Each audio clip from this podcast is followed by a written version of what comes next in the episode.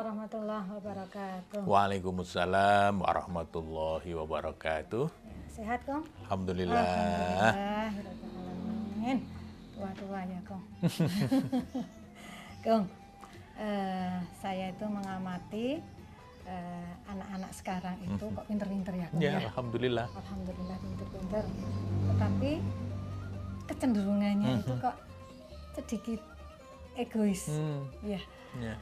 Saya juga mengamati beberapa teman yang yang berbisnis. Ah, ah. Kalau berbisnisnya itu sendiri Hmm, itu bisa jalan, ya. ya bisa berkembang. Hmm. Tapi begitu nanti dia harus berkelompok dengan kawan-kawannya, itu kok agak-agak sulit. Ya, tersendat untuk- ya. Iya, Ya. untuk untuk berkembang. Nah, gejala apa ini kok?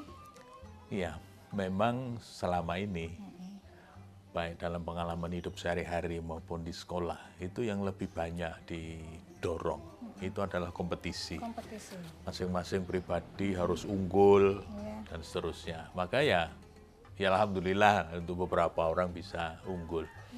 Tapi yang menjadi catatan kemudian kemampuan kolaborasinya itu tidak berkembang dengan optimal. Kemampuan bekerja dalam tim. Maka kalau kemudian adik-adik atau bahkan teman-teman yang berbisnis itu berkolaborasi mencoba membangun sebuah tim, kadang-kadang untuk bisa menjadi tim yang solid itu tidak mudah. Kenapa? Karena tidak terlatih. Hmm. Jadi selama ini frame-nya itu ya pokoknya jalan sendiri. Nah, padahal zaman itu sudah berkembang. Kalau dulu istilahnya bisnis yang stand alone itu ya nggak apa-apa jalan, tapi akan sulit menjadi besar. Karena apa? Kalau kita ingin besar, itu pasti memerlukan sebuah tim yang besar juga kan. Harus ada jaringan yang luas, apalagi di era daring seperti sekarang ini. Maka sekarang ini kan banyak teman-teman yang kemudian jadi reseller kan nggak nggak harus produksi sendiri, nggak harus punya modal banyak, modalnya cuma Jaringan ya jaringan, modalnya cuma cuap-cuap lewat media sosial. Tapi kemudian dia sudah mendapatkan penghasilan yang memadai. Nah, hal ini memang terasa ke depan akan menjadi semakin penting. Maka pendidikan seharusnya menaruh perhatian yang lebih tidak saja kepada kemampuan berkompetisi, tetapi juga kemampuan bekerja di dalam Kolaborasi. tim, kolaborasi. Kalau itu tidak dilatih, orang akan cenderung tadi egonya itu susah untuk ditemukan dengan ego-ego yang lain. Padahal kalau anak itu sejak awal dilatih untuk berkolaborasi, untuk bekerja sama, mengembangkan tim, mudah-mudahan kalau nanti dia harus membangun sebuah tim itu sudah tidak kesulitan, tidak kaget lagi. Karena kan sebetulnya kalau orang bekerja dalam tim kan ada banyak manfaat ya yang bisa diperoleh. Misalnya pertama kalau dengan tim itu meringankan beban kerja kan yang mestinya ditanggung sendiri ini diurus Banyak. oleh banyak orang, oleh banyak kemampuan sehingga ya bebannya yang tadinya misalnya terasa berat dengan tim malah lalu beban itu terasa ringan menjadi berkurang. Yang kedua dengan tim yang solid itu bisa meningkatkan sharing informasi di antara eh, anggota. ya kan kalau saya punya kelebihan saya bisa berbagi kan kepada teman-teman saya kalau di sana ada informasi apa cepat segera disampaikan kepada anggota tim yang lain. Jadi sharing informasinya menjadi lebih lancar kalau kita bekerja di dalam tim. Kemudian kalau kita membuat keputusan membuat produk atau layanan itu biasanya jadi lebih bagus ketika ada tim Didiskusikan. didiskusikan. Maka orang sering mengatakan ya sebaik-baiknya satu kepala. Kan mesti lebih baik Kepalanya ke- banyak. ah, banyak kepala kan?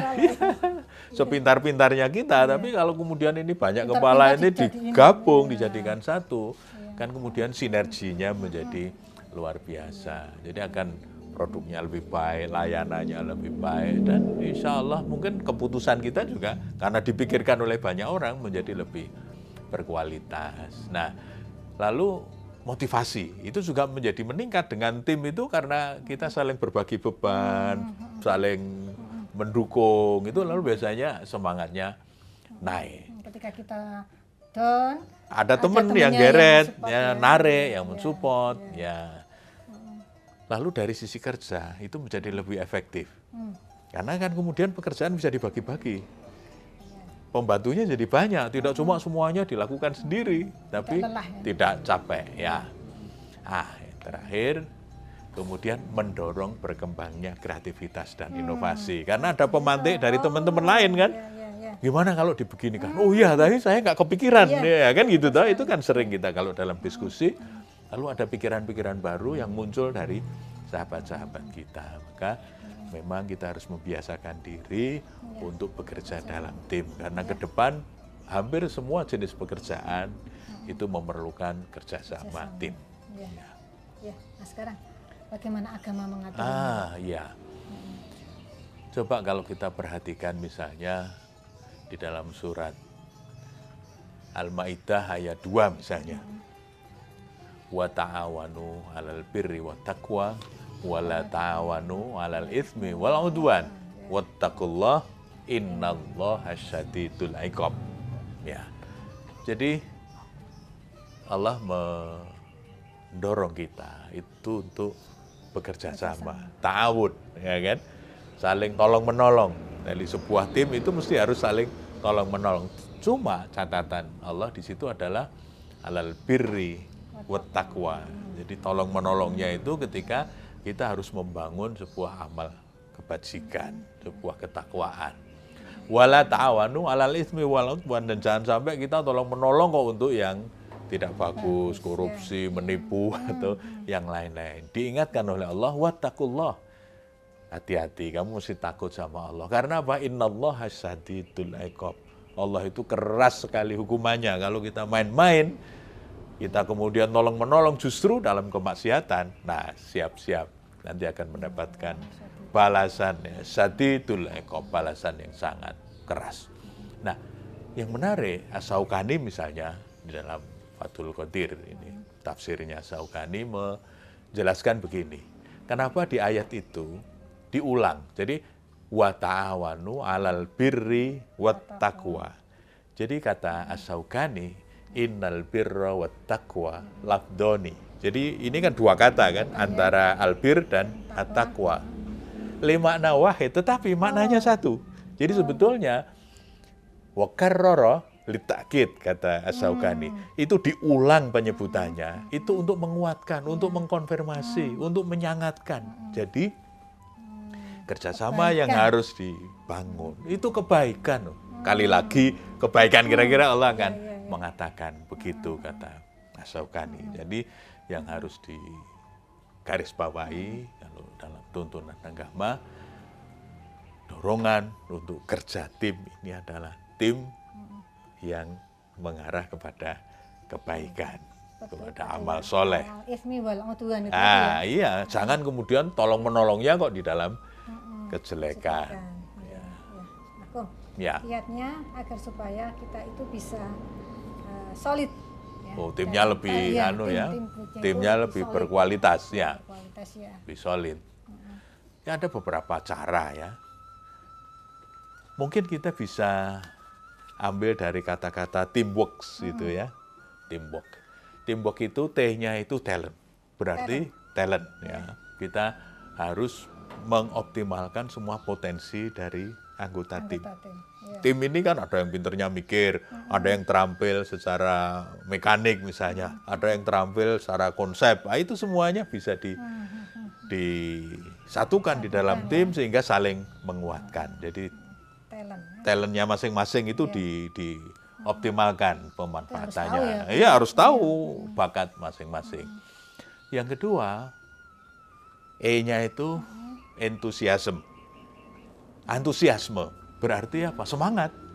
Harus dijaga agar semangat tim ini jangan sampai kendor. Maka satu sama lain mestinya harus saling menguatkan, tidak saling Melemahkan. melemahkan karena ada beberapa anggota tim itu yang mungkin karena kondisi awalnya yang kurang bagus lalu ini justru menjadi pengganggu konsolidasi tim. Nah, makanya yang harus dijaga itu adalah antusiasme semua anggota. Maka peran pimpinan tim ini yang penting untuk menjaga antusiasme.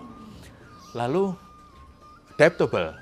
Kenapa disebut adaptable? Karena perubahan akan selalu terjadi. Maka tim ini harus siap berubah, tim ini harus siap menyesuaikan terhadap berbagai kemungkinan perkembangan. Karena perubahan zaman itu sebagian cepat, kalau kita tidak siap menghadapi perubahan, kita tidak adaptable, maka tim ini akan ketinggalan, tidak bisa merespon perkembangan dengan cepat.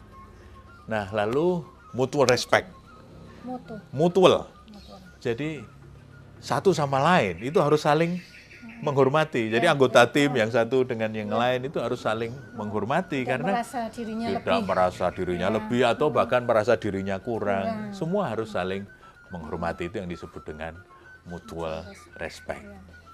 Jangan lupa karena ini tim maka harus working together. Hmm. Kerja bareng-bareng namanya saja tim. Maka jangan sampai kemudian ada yang terlalu dominan lalu Berlari semuanya ada lari duluan Ya. atau dia mengerjakan sendirian yang lain tidak diberi peran. Nah, penting adalah working together. Jangan lupa juga nanti organized.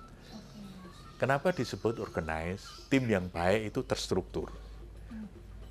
Job masing-masing jelas, pimpinannya siapa, siapa yang harus bertanggung jawab, nanti akan laporan kepada siapa. Mekanismenya harus terstruktur, terorganisasi supaya tim ini jadi solid. Komando ada pada siapa, nanti kalau ada masalah dia harus lari ke mana, itu Rujukannya ke mana. rujukannya ke mana, itu yang disebut dengan organized. Nah, lalu jangan lupa yang ketujuh adalah recognition. Rekognisi itu adalah pengakuan. Jadi kalau ada kontribusi, ada prestasi dari anak buah, sekecil apa pun harus dihargai. Itu yang dimaksud dengan rekognisi. Ya. Kadang beberapa pimpinan tim itu abai dengan eh, kontribusi ya anak buah yang sudah menyumbang bagi eh, kerja tim tapi tidak diberi apresiasi, Apresiasi. tidak diberi perhatian khusus mungkin karena dirasa oh itu kan biasa, itu kan Tugasnya. tu- sudah menjadi tugasnya, itu kan ya kecil-kecil saja. Enggak. Meskipun kecil tapi perlu sebuah rekognisi. Nah, yang terakhir adalah knowledge. Kita harus tahu tugas. Jadi kalau tim itu mau berhasil, ya pengetahuan di sekitar tugas kita dalam tim itu ya harus lengkap. Jangan sampai kemudian tim ini jalan karena ketidaktahuan kita jadi keliru. Maka knowledge menjadi penting. Apalagi di era seperti sekarang ini, pengetahuan tersedia di dunia maya dengan sangat terbuka. Nah maka tidak ada alasan kalau kita kekurangan pengetahuan tentang tim yang sedang kita amanahkan. Karena itu pemirsa, sendiri kita hanya dapat memikul sedikit beban. Bersama dalam tim, beban berat pun terasa ringan. Assalamualaikum warahmatullahi wabarakatuh.